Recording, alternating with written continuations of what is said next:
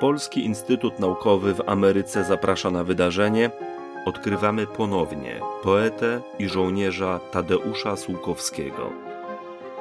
Pragniemy przybliżyć Państwu wybrane archiwalne materiały przechowywane w kolekcjach Piasa w Nowym Jorku i będące polskim dziedzictwem kulturowym na obczyźnie.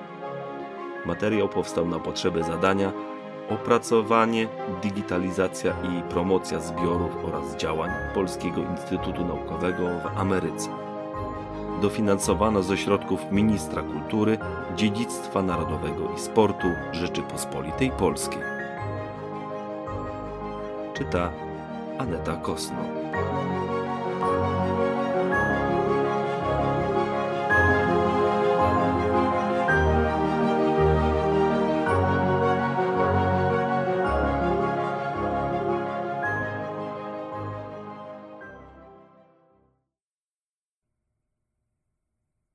Czternasty kwietnia 1947 Droga i kochana pani, list pani chyba tylko dlatego dłuższy, że to był prima aprilis. Dostałem i wiele miałem z niego radości. W ogóle samopoczucie, mówiąc pani tytułem, poprawiło się, bo chyba z tydzień było słońce i pogoda i naprawdę chciało się iść i szukać sobie frałecki. Reszta u mnie bez zmian i powiedziałem sobie, że już z niczym nie wyjadę w liście do pani, bo pani zaraz się martwi i denerwuje. Wczoraj byliśmy na wycieczce. Część drogi odwaliliśmy autobusem, część na piechotę. Chodziło o jakieś stare zamki, których wielkie mądrości prawił nam na miejscu jeden z kolegów, historyk sztuki. Ale mnie to wcale nie obchodziło. Od gruzów piękniejsze były drzewa, bardzo stare i tak powyginane, chyba od wiatrów, że przypominały raczej zwierzęta z zoologii niż botanikę.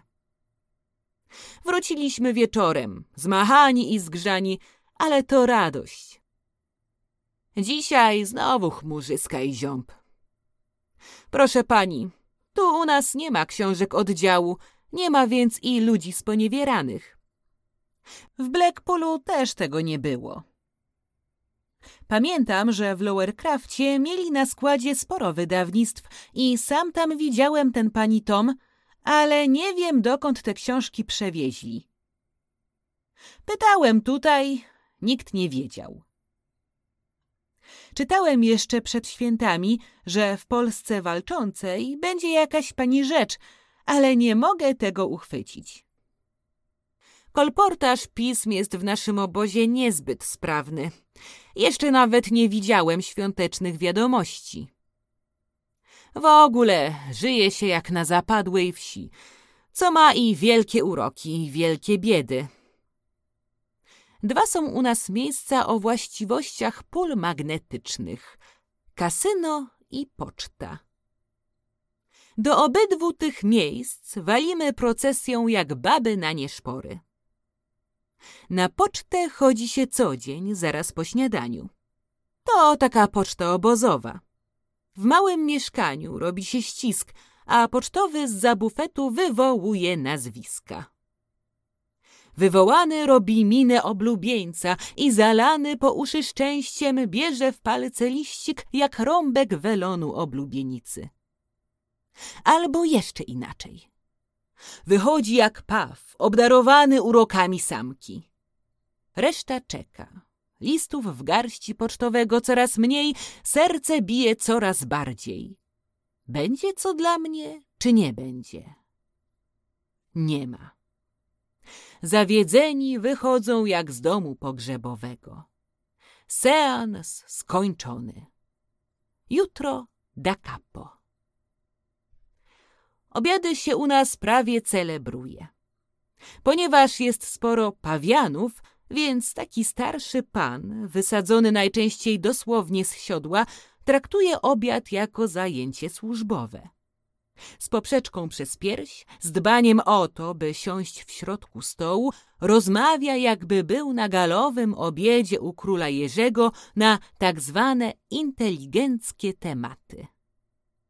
Często gęsto słyszy się powiedzenie nieboszczyk Bek, że to niby był jego znajomy, jakąś opowiastkę.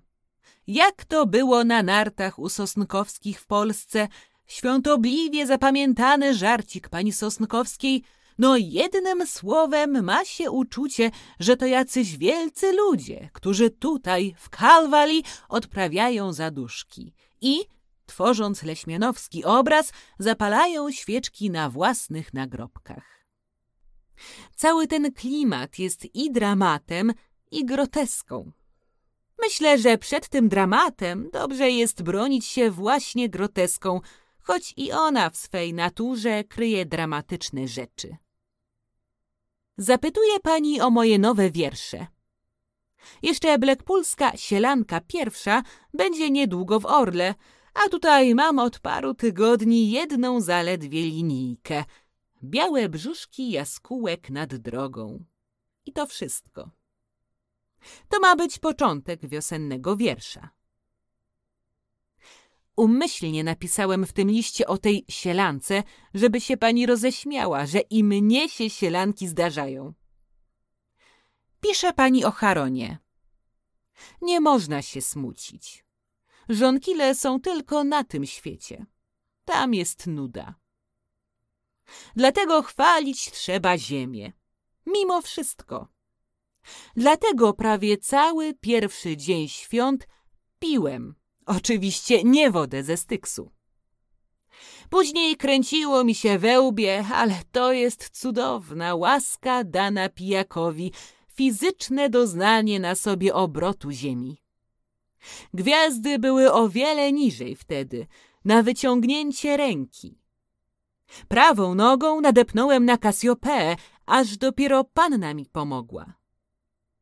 Później gonił mnie byk i straszyły, lecąc za mną, bliźnięta, choć niczego takiego nie mam na sumieniu. Proszę pomyśleć, że co dzień chodzę na pocztę. Czy naprawdę mam odchodzić z tą grupą, zapomnianą od ludzi i Boga? Bardzo serdecznie proszę o list. Pięknie panią pozdrawiam i życzę dużo radości. Przecież wiosna. Tadeusz.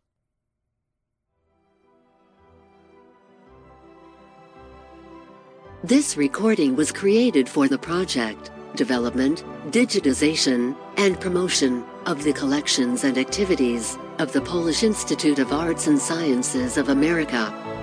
Co-financed by the Ministry of Culture, National Heritage, and Sport of the Republic of Poland.